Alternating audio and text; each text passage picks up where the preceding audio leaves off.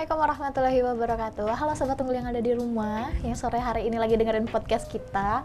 Nah hari ini itu kita bakal ngebahas tentang burnout. Apa ya itu burnout? Nah sebelum kita bahas ke burnout Nah kita tuh sekarang tuh udah nggak ngerasa gitu ya. Pandemi ini tuh udah hampir berjalan sekitar tujuh bulanan Ya kan? Semua aktivitas tuh semua sebat terhambat. Nah kita bakal ngebahas burnout di kala pandemi. Nah, untuk nemenin santai sore kamu, hari ini tuh aku udah ditemenin sama uh, atasanku. ya langsung kenalan aja selamat sore Pak Randy. Eh, selamat sore. Sore ya. Baik, Pak. Baik, alhamdulillah. Gimana nih uh, keadaannya di kala pandemi kayak gini? Keadaannya ya mau nggak mau dijalanin aja ya. Semuanya hmm. serba terbatas. Terbatas ya. Semuanya betul. serba dibatasi lah pokoknya. Mm -mm. Yang tadi ya boleh, jadi nggak boleh. Gak boleh. Betul, betul. Jaga jarak, pakai masker, protokol kesehatan tetap jalan, jalan. gitu loh. Ya mau nggak mau karena keadaannya ya mengharuskan kita seperti itu.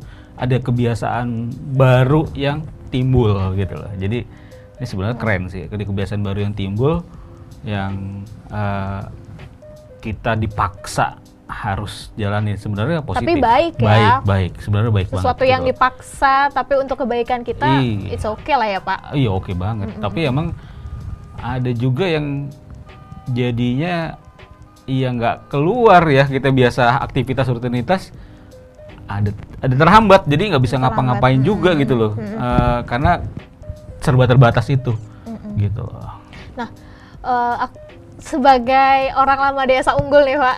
Aku mau nanya dong apa aja sih yang uh, apa namanya udah dilakukan Esa Unggul untuk apa namanya me menekan angka uh, COVID membantu pemerintah? Sedangkan kan namanya kampus dong banyak banget uh, orang atau khususnya mahasiswa-mahasiswa yang datang ke kampus untuk ya banyaklah kegiatan-kegiatan atau keperluan-keperluan. Apa sih yang udah dilakukan Esa Unggul? Yang misalnya kayak uh, cuci tangan atau apa yang udah disiapkan Esa Unggul untuk membantu program pemerintah ini? Iya, yang paling pertama pasti uh, kalau di kepala biro apa biro administrasi dan umum mm-hmm. universitas dia pasti menjalankan protokolnya juga dengan PMI gitu loh. Nah dengan PMI ini pasti ada penyemprotan disinfektan di setiap kampus di empat kampus ini pasti iya disinfektan empat kampus. Cuman kan itu kan harus continue terus mm-hmm, berjalan. Nah, tentu, tentu. pencegahannya pasti di depan apa di setiap kampus sudah disediakan cuci tangan udah pasti ada sabun, ada cuci tangan, mm-hmm. uh, pembatasan social distancingnya distancing. diterapkan ya. Terus habis itu di di setiap tempat ada security juga yang uh, cek suhu juga sama lah standarnya seperti yang lain. Sama kayak di masuk mall semua segala macam. Dan yang terakhir ini kayaknya kita juga udah mulai melakukan uh, pembatasan juga setiap hmm, pembatasan memasuki wilayah kampus ya. Jadi udah harus jelas dulu dia mau ngapain ke kampus gitu loh. Keperluannya apa.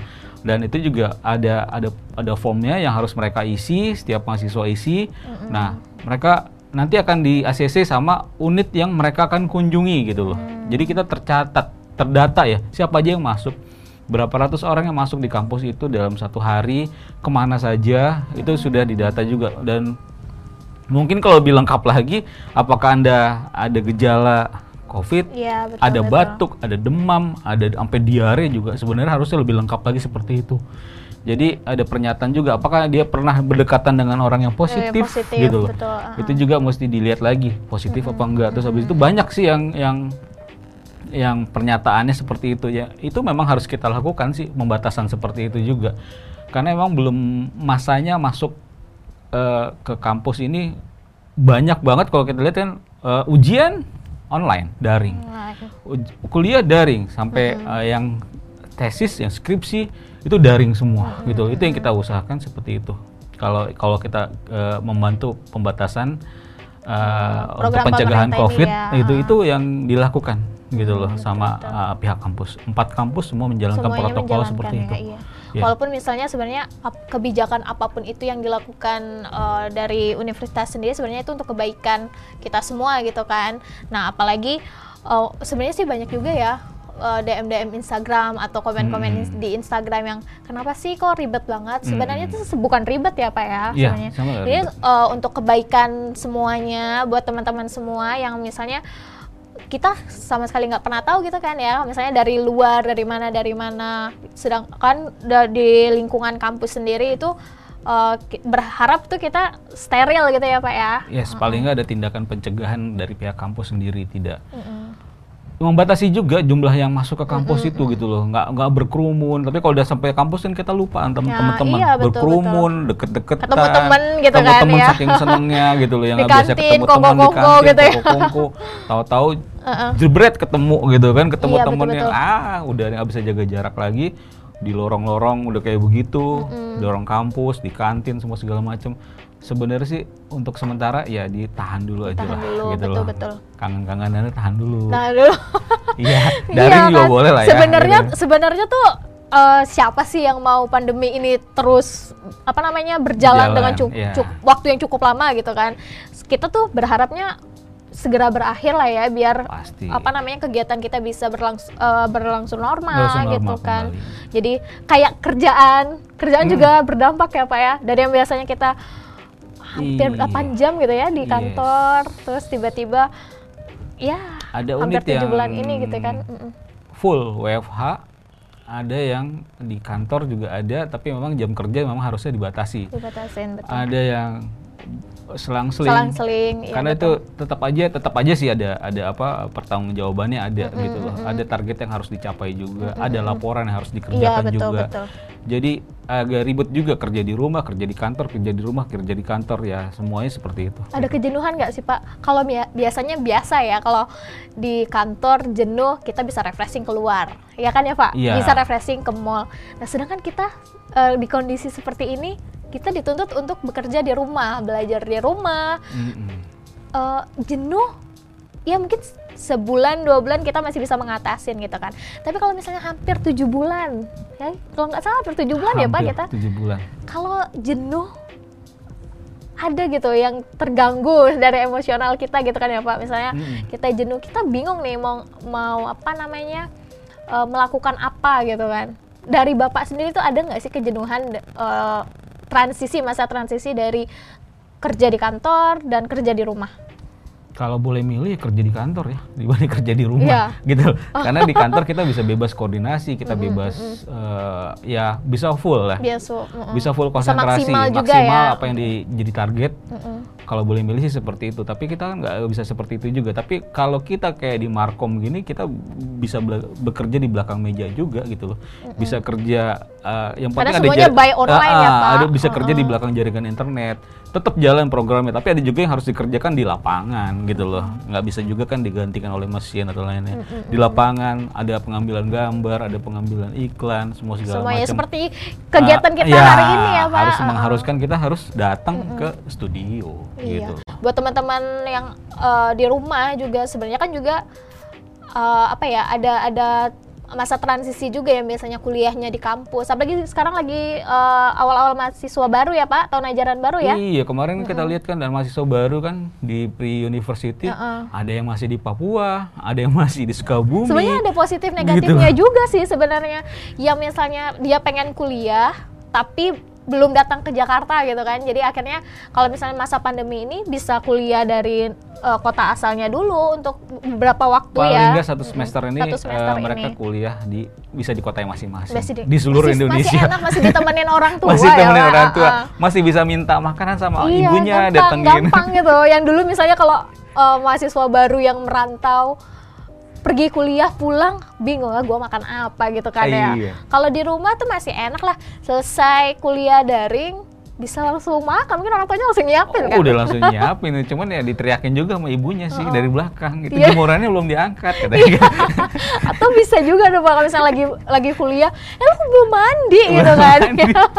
belum mandi dia oh, iya, tapi Kemarin kan okay kepergok ya, lagi masih ada yang lelehan dan tidur-tiduran sambil oh, kayak gitu. Oh, di acara hmm, uh, Priu kan gitu kan. University kita hmm, ya, Pak ya. University kita ada yang kepergok kayak gitu juga. Ayo kalian siapa yang yang di rumah pre university belum mandi atau orang tanya gila ini anak ya gitu belum mandi. Ada, ada aja ibu, ya. Ada yang ibunya juga ikutan, ikutan ya lewat-lewat ya. Nyaut-nyaut uh, uh, di belakang ya si apa pemilik acara si mm -mm. Valentino kan oh Valentino yang jebret, jebret. ya pak ah, Aduh, beliau seru yang, juga sih ya beliau jeli ngeliatnya eh, lu ngapain lu di situ katanya gitu Itu ngapain tuh berduaan deket-deket situ kan gitu kan? Dilihat lagi satu-satu. Ayo, suruh bicara lah Berarti satu-satu. nggak ada hambatan sebenarnya ya. Kalau kalau eh, tatap muka kan eh, bisa langsung komunikasinya bisa Mm-mm. langsung. Sebenarnya kalau dari juga hambatannya ya nggak ada sih sebenarnya ya. Mungkin ada beberapa. Tapi kalau misalnya dibilang ah gampang sih gue daring ya udah sambil santai-santai aja ternyata jangan salah Hmm. soalnya moderatornya atau nanti narasumbernya ngelihat satu-satu. jeli banget untuk Jeli ngeliatin banget. itu Apaan? gitu kan Lu ngapain di situ katanya gitu kan? Lagi ngapain? Kok deket-deketan? Kok berduaan? Coba berdiri Oh katanya. lebih hemat mungkin pak Ah. daripada dua kan mungkin, maksudnya ya kita barengan aja ya penting absennya ada Tapi gitu. untung kemarin semuanya normal-normal Normal aja sih. aja ya. Suruh Oh. berdiri ya pakai celana panjang, nggak pakai celana boxer. sebenarnya ya ya udah sih ya ya nggak apa-apa ya Heeh. nah pak kalau karena ada perbedaan ini loh pak karena Hmm. misalnya kerja di kantor sama kerja di rumah atau belajar di eh, di rumah sama belajar di kampus kan ada kejenuhan gitu ya pak Iya. Iya pasti, kan pasti, jenuh kan. pasti, pasti Nah inilah yang bakal kita bahas seperti yang saya bilang di awal tadi itu tentang burnout. Oh iya. Nah, Bapak tahu nggak pak itu burnout? Iya, kita mesti pasti jelasnya kayaknya lebih jelasnya tanya langsung, ya Langsung sama ya. narasumbernya kali Sebenarnya ya lebih pasti. iya burnout itu ya teman-teman kelelahan emosional. Secara emosional. Kenapa kelelahan emosional? Nah, kelelahan emosional kita mungkin kita tuh nggak nyangka, nggak sadar gitu sebenarnya. Kayak di rumah kita di rumah terus eh, bosan, kita keluar juga bingung. Walaupun sekarang ad- ada apa namanya perenggangan gitu mungkin ya, Hmm, yang lebih ya. santai, Hmm. eh, lebih santai gitu. Nah, untuk lebih eh, tahu lebih pastinya ya Pak, Iya, tahu lebih kita pasti ya. langsung telepon narasumber kita Narasumber, aja nih ah. yang paham banget di bidangnya tentang burnout ya Yes. kita telepon Pak Muri ya ya langsung kita telepon kita tunggu dulu ya Kita sambung ya dengan kita Pak Muri. lagi sambungkan dulu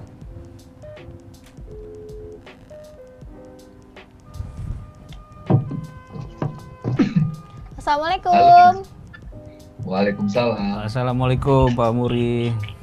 Waalaikumsalam. gimana Pak Aduh. kabarnya Pak sehat Pak Yes, baik, bugar, alhamdulillah. Bapak saya ditemenin sama Pak Randy Pak di sini Pak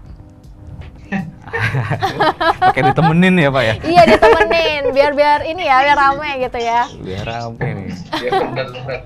Ini Pak Muri ini eh, dosen ilmu gizi, ya Pak ya. Eh, Iya, kandidat doktor Pak ya, doktoral ya dari IPB ya. In, Hmm. insya Allah. Insya Ya. Allah. Ini buat buat Bapak tahu nih ya, sebenarnya banyak banget yang request datengin Pak Muri gitu. Kayaknya Pak Muri nih apa namanya eh, fansnya mahasiswa-mahasiswa nih. Kayaknya mahasiswa banyak yang rindu nih sama Pak Muri nih. Masa iya. Pak? ini? Nah, ini kita udah datangin di podcast ya Sambal. Aduh, Pak, kita lagi ngebahas tentang burnout nih Pak. Yes. Iya, sebenarnya burnout itu apa sih Pak? Ada gejalanya nggak sih? Nah, jadi gini, burnout ini menarik ya karena sekarang tuh di dunia tuh Mm-mm. mulai diangkat, mulai diperhatikan apalagi dengan kondisi sekarang ya. Ah. Jadi burnout tuh kondisi lelah yang berkepanjangan, kemudian impact-nya ini pada kalau mahasiswa tuh pada kehadirannya atau pekerja tuh Oh, pada oke. kehadiran di kantor, konsentrasi dalam belajar, bekerja. Mm-mm. Ini kan misalnya di studio nih salah-salah pencet nanti kepencet off selesai nih acara. Iya betul betul. Kelelahan, Gagal fokus gitu ya Pak? ya? Ya mirip-mirip gagal fokus sih ya. Ya, dan juga prestasi tentunya untuk mahasiswa kan, untuk mereka menjadi calon-calon pemimpin itu. Jadi Mm-mm. impact-nya yang berbahaya terkait dengan burnout nih. Ini kelelahan Oke, yang berlebihan, Heeh. Apa namanya sumpek, kemudian Ah. jenuh dengan kondisi ini gitu. Oke. Tapi ada hal yang menarik sebenarnya. Jadi nggak hanya dalam kondisi seperti tadi ya, secara eh, psikologis, tapi juga terkait dengan kesehatan dampaknya besar loh. Jadi WHO tuh udah mengindikasikan bahwa WHO itu salah satu Hmm. bahaya. Kenapa? Karena dapat menyebabkan berbagai macam penyakit jantung, Oh, penyakit bahaya ya Pak ya? Iya, masalah pencernaan, kemudian sampai depresi dan kesehatan mental. Jadi Oke. banyak sekali dan banyak sekali penelitian ini berkaitan erat dengan kerugian secara pribadi, yaitu Mm-mm. secara individu ya. Iya betul kemudian betul. perusahaan, Hmm. kemudian negara bahkan dunia ini akan mengalami kerugian yang besar. Jadi ada banyak penelitian yang dilakukan di Eropa, di Amerika itu bahwa perusahaannya, negaranya tuh rugi sangat besar dengan pekerjanya yang burn out. Pertanyaannya, apakah kita yang bekerja sini burn out? Oh iya. hmm. iya, gimana Pak Randy burn out kita? Pak Muri burn, burn out nggak Pak? Iya pastilah, tanpa kita sadari nih Pak ya? Iya tanpa kita sadari iya. mungkin ya Pak ya. Ada gejalanya nggak sih Pak? Nah, gejalanya ini menarik. Kadang-kadang konsentrasi jadi gampang terganggu, emosi jadi berantakan. Nah, gampang emosi nggak nih? Uh, kayaknya sering sedih, Pak. sedih termasuk ya. Termasuk ya, ya. jadi uh, kemudian pekerjaannya nggak konsen, nggak beres, nggak nggak nggak bisa ngebagi beberapa bagian gitu ya. Jadi uh, uh, multitasking uh, uh. tuh jadi susah. Hmm. Akhirnya ya itu ujung-ujungnya konsentrasi kalau mahasiswa tuh jadi uring-uringan Iya, sedangkan bingung ya, uh, Banyak tuh pengen uring-uringan, Pak. Ya, Karena bingung ya mau, mau ngelakuin apa gitu ya, nah, ya, Pak. Bingung mau ngelakuin apa, Pak. Mungkin jomblo mungkin itu. Iya. Oh, Jonas, Pak, Jonas, ya? Pak. oh ya, Pak. Uh, ini pertanyaan kedua nih, Pak ya Misalnya nih Pak, ada tekanan gitu ya, tekanan di tempat kerja atau tekanan kalau untuk mahasiswa itu mungkin uh, tugas yang menumpuk mungkin uh, dituntut sama deadline. Sedang kadang-kadang tuh kadang ih kok kesel sih kok banyak terus mungkin dia pusing sampai depresi katakanlah seperti itu ya Pak ya. Kita tuh harus ngelakuin apa nih Pak? Nah, ini nih banyak banyak sekali beberapa seminar ya permintaan terkait dengan kesehatan mental, burnout. Rata-rata tuh apalagi mahasiswa kondisi sekarang ya, iya, betul. banyak nih mengalami kondisi begini. Termasuk nggak hanya mahasiswa loh, anak-anak sekolah yang online duduk berjam-jam itu iya. ternyata mengalami hal yang sama. Betul pak, betul. Iya. Saya Jadi juga kita, pak. Jadi kita sebagai orang tua, kita sebagai guru, kita sebagai pribadi, ya ternyata hasil menarik ya ada hasil meta analisis nih tahun 2017, tahun 2020. Mm-hmm. Ini tuh menunjukkan bahwa mm. uh, apa namanya burnout itu erat banget kaitannya dengan orang yang pertama kekurangan makan atau kekurangan oh. konsumsi zat gizinya jadi kurang ya kan kurang, dia mungkin ya. males bosen banyak orang yang makan mulu. Sembarangan atau ya pak makannya? Nah hmm. yang kedua adalah tadi makannya banyak tapi ternyata tinggi kalori aja. Oh, dan gizinya nggak lengkap. Okay. nah dan yang ketiga yang poin besar di sini adalah ternyata kurang gerak mager. Kurang gerak. Oh, oh iya. okay. tidur nah, aja ya pak. ternyata, ternyata berdampak loh karena kita tahu hasil penelitian ya menunjukkan bahwa kita yang berolahraga rutin melakukan aktivitas fisik ternyata endorfin, epinefrin di otak kita ya di hipotalamus kita tuh keluar yang dapat menurunkan kortisol. Hormon okay. stres kita tuh hmm. diturunkan. Yang membuat kita tuh lebih happy, lebih bahagia menghadapi problema anak muda yang jomblo, yang LDR ya kan. yang, Bisa jadi ya Pak yang karyawan-karyawan yang dipotong gajinya oh. aduh. Oh. aduh pak itu rahasia. Jadi banyak uh, akibat yang terjadi seperti itu hingga ternyata dengan kita rutin berolahraga ternyata impactnya tuh kuat banget loh terkait oh, dengan uh, kita dapat menurunkan dari burnout ini sendiri. Jadi depend on kita sendiri gitu kan? Ya udah tinggal pilihannya ayo mulai gerak gitu Hmm. Uh, kira-kira ada tips nggak nih Pak uh, gerakan apa sih yang bisa kita lakukan di rumah yang simple mungkin yang biar agak nggak terlalu dibuat stres kitanya di rumah gitu gerakan apa sih Pak ada tips nggak sih? Oke. Okay. Apa mesti piknik Pak? Oh, piknik ya? Piknik di Kurang depan piknik rumah. Gitu, Pak. piknik depan rumah. Bagus, piknik bagus. Jadi uh, artinya kan di sini ada peran ya. Jadi yeah. peran ini tuh kita melakukan exercise-nya. saya kasih tips pertama ya. Iya. Kita harus sadari bahwa olahraga yang kita lakukan tuh eh, cognitive behavior therapy namanya. Jadi okay. kita tuh sadar bahwa yang kita lakukan itu eh, ini baik buat baik. kita. Saya lakukan olahraga tuh nggak terpaksa saya jaga makan tuh gak terpaksa gitu loh mbak. Mm-hmm. ini poin yang pertama. Paham ya mbak? Oh iya paham nah, paham pak. Nah mas Randy juga paham ya artinya dilakukan dengan happy dengan bahagia. Itu yang pertama. Jangan, jangan lupa bahagia. iya, jangan lupa bahagia. Jangan dibawa tekanan ya yes. pak ya. Yes benar. Sehingga ini impactnya ke pemilihan olahraganya. Artinya Hmm. nanti jangan gara-gara sekarang musim Brompton ya, Oh, Hmm. maksa beli Brompton ya Pak? jadi pada beli eh ada info nih bahwa lagi potongan tuh. Kemarin saya lihat di Instagram Pak Muri Brompton ada dua tuh Pak kayaknya. Oh mantap. Bisa tuh Pak pinjam ya Pak ya? Har- harganya turun 40% loh. Luar biasa. 25 juta. Oh, hanya. Hanya, hanya silakan mau dibelikan Pak Randy. nah ini tapi gini tapi Uh-uh. gini bahagia itu jangan gara-gara beli sepeda karena lagi musim sepeda padahal Ah, nggak bisa betul. naik sepeda gitu kan aneh ya Bingung ya Pak? jadi bingung gara-gara pengen Ikut eksis pengen gitu ya?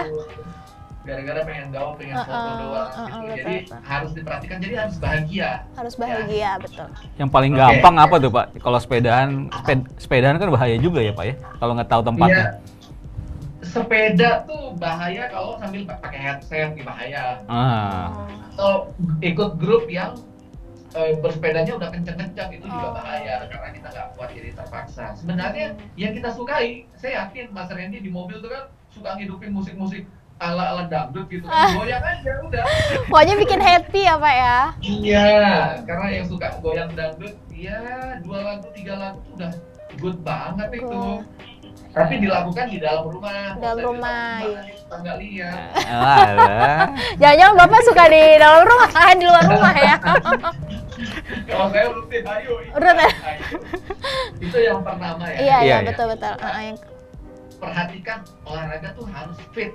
fit. Fit tuh dalam artian perhatikan frekuensi, intensity, time and type. Hmm. FITT, fit. Jadi olahraga harus fit. Yang pertama Fit. itu frekuensi. Frekuensi itu artinya berapa kali sih dalam seminggu? Hmm, Jadi WHO tuh udah bilang seminggu tuh nggak boleh kurang dari tiga kali. tiga kali. Oh. Oke. Yang kedua intensitinya ya. Yang Hmm. kedua intensitinya. Intensity itu eh, itu kualitas dari latihan. Misalnya gini olahraganya. Eh capek gue olahraga hari ini ringan atau berat. Jadi buat yang eh, sedang burn out olahraganya tuh yang moderate aja, jangan Yang berat-berat. berat-berat ya. Hmm. Biarkan aja Dilan yang nanggung yang berat-berat itu. Ya, Dilan. Berat ya, dia cukup Dilan aja ya, kita jangan. Iya, makanya itu dia. Ya jadi eh, jadi moderate. Cara menghitungnya gimana? 220 kurang umur. Nah, Mas Randy ini kan pas nih umurnya nih bulan September nih 20 tahun. Luar biasa. 17 loh Pak Muri, 17. Kenapa bahas umur nih Pak jadinya? jadi jadi kita hitung ya. 220 kurang umur 20 tahun artinya 200, kali 200. 200 200 itu maksudnya olahraga denyut nadi kita tuh Oh, 200, kali per 200. menit. Itu tuh denyut nadi maksimal kita. Maksimal ya. Oke. Nah, jadi olahraga kita berapa? Dia kan harus di 60% sampai 85% dari maksimal. Artinya 120 kali per menit itu batas minimal. Di bawah itu artinya Hmm. olahraganya terlalu ringan. Oh, Hmm. gitu. Nah, tapi kalau di atas 170 kali per menit denyut nadinya itu artinya terlalu berat. Mau ngitung Iya, ngit- biarkan bilang sama Mire aja. ngitungnya pakai jam itu Pak. Nah, yang pakai jam boleh, pakai manual boleh. Pakai handphone 2020 bisa kali ya? Nah, pakai handphone boleh. Iya. 2020 gitu loh, masih manual. Itu Pak Randy kayaknya yang masih manual itu. Iya, mesti beli jam lagi dong Pak. kendaraan kendaraan boleh. Iya. Zaman dulu mau keren, tapi jam tangan ya modern dikit lah. Oh.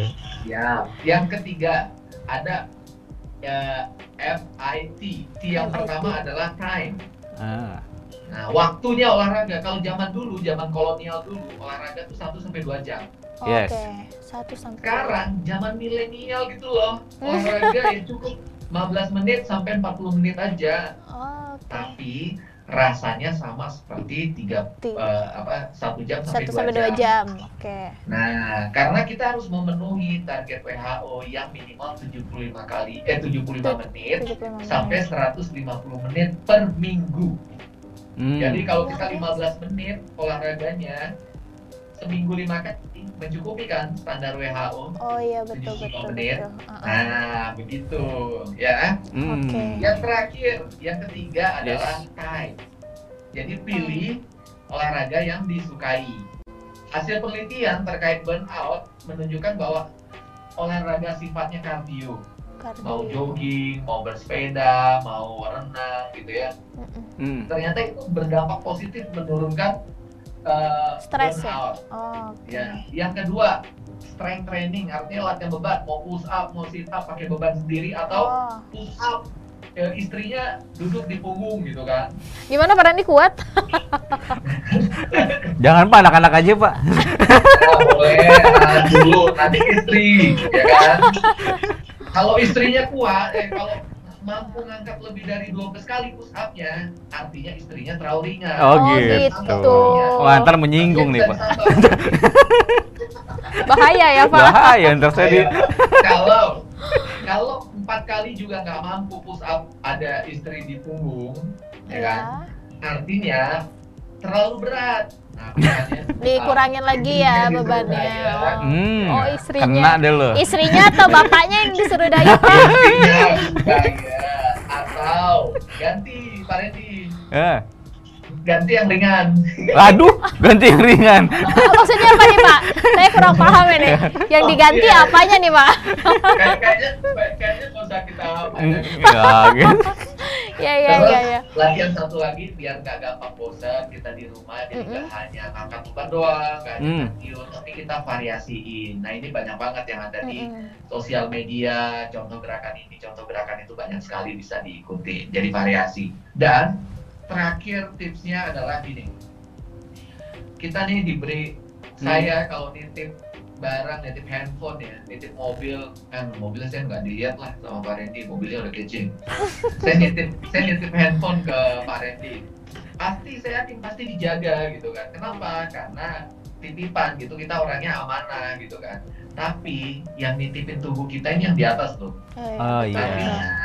Dengan kita menjaga makan, makan bergizi, menjaga istirahat, rutin berolahraga kan artinya bentuk rasa syukur kita diberi badan yang sempurna, iya. kan? bekerja, punya anak, punya keluarga itu kan bentuk rasa syukur kita dengan berolahraga. Bisa ibadah ya pak ya. Nah itu menjadi ibadah bentuk syukur kita lah ya. Untuk Ah. kemudian apa? Eh, imun kita kuat, iman kita juga makin kuat, gitu kan? Oh iya betul betul. Yes, dan Wow. terakhir adalah dengan itu semua dilakukan, ingat cari sumber yang terpercaya. Artinya yang Oke. diikutin, kemudian yang dibaca itu sumber-sumber yang terpercaya. Ada rujukannya, bukan kata Bu Tejo ya. Oh, Kata Bu Tejo ya. Nah, Si itu ya. Nggak solutif pak. Gimana? Bahasa saya ini solutif toh Pak. Yes, saya pikir itu yang kece. Jadi buat eh, mahasiswa, buat kita para pekerja agar nggak burn out karena nggak hanya secara psikis ya, Iya tapi betul juga betul. secara eh, kesehatan kita juga berdampak nggak baik. Ujung-ujungnya keluarga kita dirugikan, kita Mm-mm. sendiri dirugikan, sekolah, eh, perusahaan dan juga negara kita rugi gara-gara kita dalam kondisi burn out. Burn out. Iya. Oke, sudah cukup jelas ya Pak Randy? Iya, mungkin tambah hobi juga ya Pak. Hobi. Hobinya juga jalan juga ya Pak ya. Yang hobi otomotif, yang hobi apa? Miara binatang, Binatang, hobi tanaman baru. gitu loh. Mungkin itu Betul. juga jadi menambah imun juga ya Pak ya, selain ber- Betul. apa olahraga itu. Betul, buat bahagia kan. Iya. Buat bahagia. Pak Muri buat bahagia Pak Muri apa nih Pak? buat bahagia adalah ya dengan rutin berolahraga lah kondisi sekarang bahagia saya. Oh. Oh. Sering live ya ya. Oh iya buat teman-teman di rumah nih ya, informasi buat teman-teman atau mahasiswa baru yang di rumah, eh, Pak Muri ini punya Instagram loh. Pak Muri apa Yes. Pak? Instagramnya apa bisa disebutkan Pak? At Muri Kuswari. Ah. Oh iya, jangan lupa tuh ya, at Muri Kuswari. Iya, sering live sama Abia ya Pak ya? Yes, benar. Hari ini mau live potong rambut. Kebahagiaan anak nomor satu. Oh luar biasa. Iya. Yang jadi korban siapa? Bapaknya nih dipotong rambutnya. Ya, bukan korban ini. Kebahagiaan ya Pak. Iya betul. Oke Pak. Ini, Ya. ini part 3 loh potong rambutnya. Oh luar Oh. biasa. Jadi hobi baru potong rambut ya Pak ya? Yes. Benar. Buka salon kayaknya besok. Luar biasa. Oke Terima Pak. Muri, iya. Makasih Eh, terima banyak. kasih loh Pak telah meluangkan waktunya Pak. Luar biasa. Saya yang makasih. Iya. diajak ke Next jangan ini. jangan bosan ya Pak ya kalau kita minta minta pendapat atau minta saran ya Pak? Dengan senang hati kapan pun, anytime. Oke deh. Oke. Gimana Pak? Oke, Oke, baik itu dulu, aja. Pak. Terima kasih Pak Muri. Iya, terima Ah, kasih. Selamat Ya. melanjutkan Selamat aktivitas beristirahat ya, Pak. Sama-sama. Siap, Ya, tetap sehat, bugar selalu. Wassalamualaikum. Waalaikumsalam, salam bugar. Ya. Salam bugar. Salam bugar. Bapak olahraga nggak nih Pak? Jujur, Ya. kayaknya enggak jalan-jalan doang ya, jalan kaki maksudnya gitu banyak. Jalan kaki sekitar banyak komplek, eh, ya. jogging aja sih gitu loh. Jadi eh, kalau olahraga yang serius banget kayaknya enggak juga. Tapi kalau nggak salah ada olahraga juga yang eh, sekarang direkomendasi juga ya Pak. Jump out ya, apa apa tuh? Oh, yang kayak? Oh, Ah, yang ini ya, yang sambil lompat sambil kayak loncat gitu ya. loh. Itu juga maksudnya juga kayaknya direkomendasi juga tuh. Dari ini. Nah, dari sarannya Pak Muri tadi tuh bagus banget sih sebenarnya bisa kita tiru di rumah gitu kan. Ya kayak Hmm. olahraga-olahraga santai yang bikin happy kayak kayaknya kalau kita dengerin musik sambil joget Boleh banget. itu bisa juga kan. intinya ya kan? adalah ke, ke apa ya keseimbangan hidup ya nggak nggak hanya melulu ngerjain online tugas online nggak melulu kerja tapi keseimbangan hidup yang harus kita jaga sih ya dari mulai pikiran eh, eh, bud- apa badan juga semuanya. Jadi harus seimbang. Yang badan yang dititipkan sama Tuhan Allah gitu sama ya. Tuhan itu yang kita jaga. Itu yang kita titipan gitu loh. Itu yang harus kita jaga dari segi makanan dari segi uh, pikiran juga semua itu yang kita harus jaga Semuanya sih harus balance Ah, sih harus balance. sebenarnya. jadi itu yang tadi Pak Muri sampaikan juga gitu loh baik itu aja mungkin ya kali ya kalau Oh. kita lihat sih udah cukup kali ya Oke deh. Oke, sampai di sini dulu nih. Eh, Semoga teman-teman yang di rumah bisa dengerin apa namanya eh, tips-tips dari Pak Muri tadi. yes Nah, buat teman-teman yang eh, penasaran gitu sama sosoknya Pak Muri, nah bisa langsung aja tadi di ke Instagramnya ke at, eh, Muri, Muri Kuswari. Kuswari. ya. Dan jangan lupa follow Instagramnya kita di Universitas Unif underscore underscore Esa Esa Unggul. Unggul. Nah, eh, kalian bisa juga nonton nih di eh, YouTube-nya kita ya Pak. YouTube channel kita Mm-mm, YouTube di channelnya Unif kita. underscore Esa Unggul Nah, karena setiap hari Sabtu nih kita bakal eh, tayangin podcast kita hari ini dengan berbagai macam tema. Ya, Ya, jadi bintang misalnya tamu. eh, bintang tamu, tema, Tema. dan apabila misalnya teman-teman nih di rumah pengen eh, Kak, aku mau dong diundang di podcastnya kita, kita bakal ngebahas yang lagi happening di rumah. Boleh, langsung aja DM ke Instagram eh, kita di Universitas underscore Esa Unggul Unggul, yes. dan kita bakal uh, follow kamu buat uh, di, kita undang buat ngobrol bareng di sore hari ini. Eh di sore hari kita kok Sore ini hari. sih. Oke, Sambil cukup sampai di sini dulu ya. Oke, bye bye semua teman-teman Desa Unggul. Wassalamualaikum warahmatullahi Wassalamualaikum wabarakatuh. warahmatullahi wabarakatuh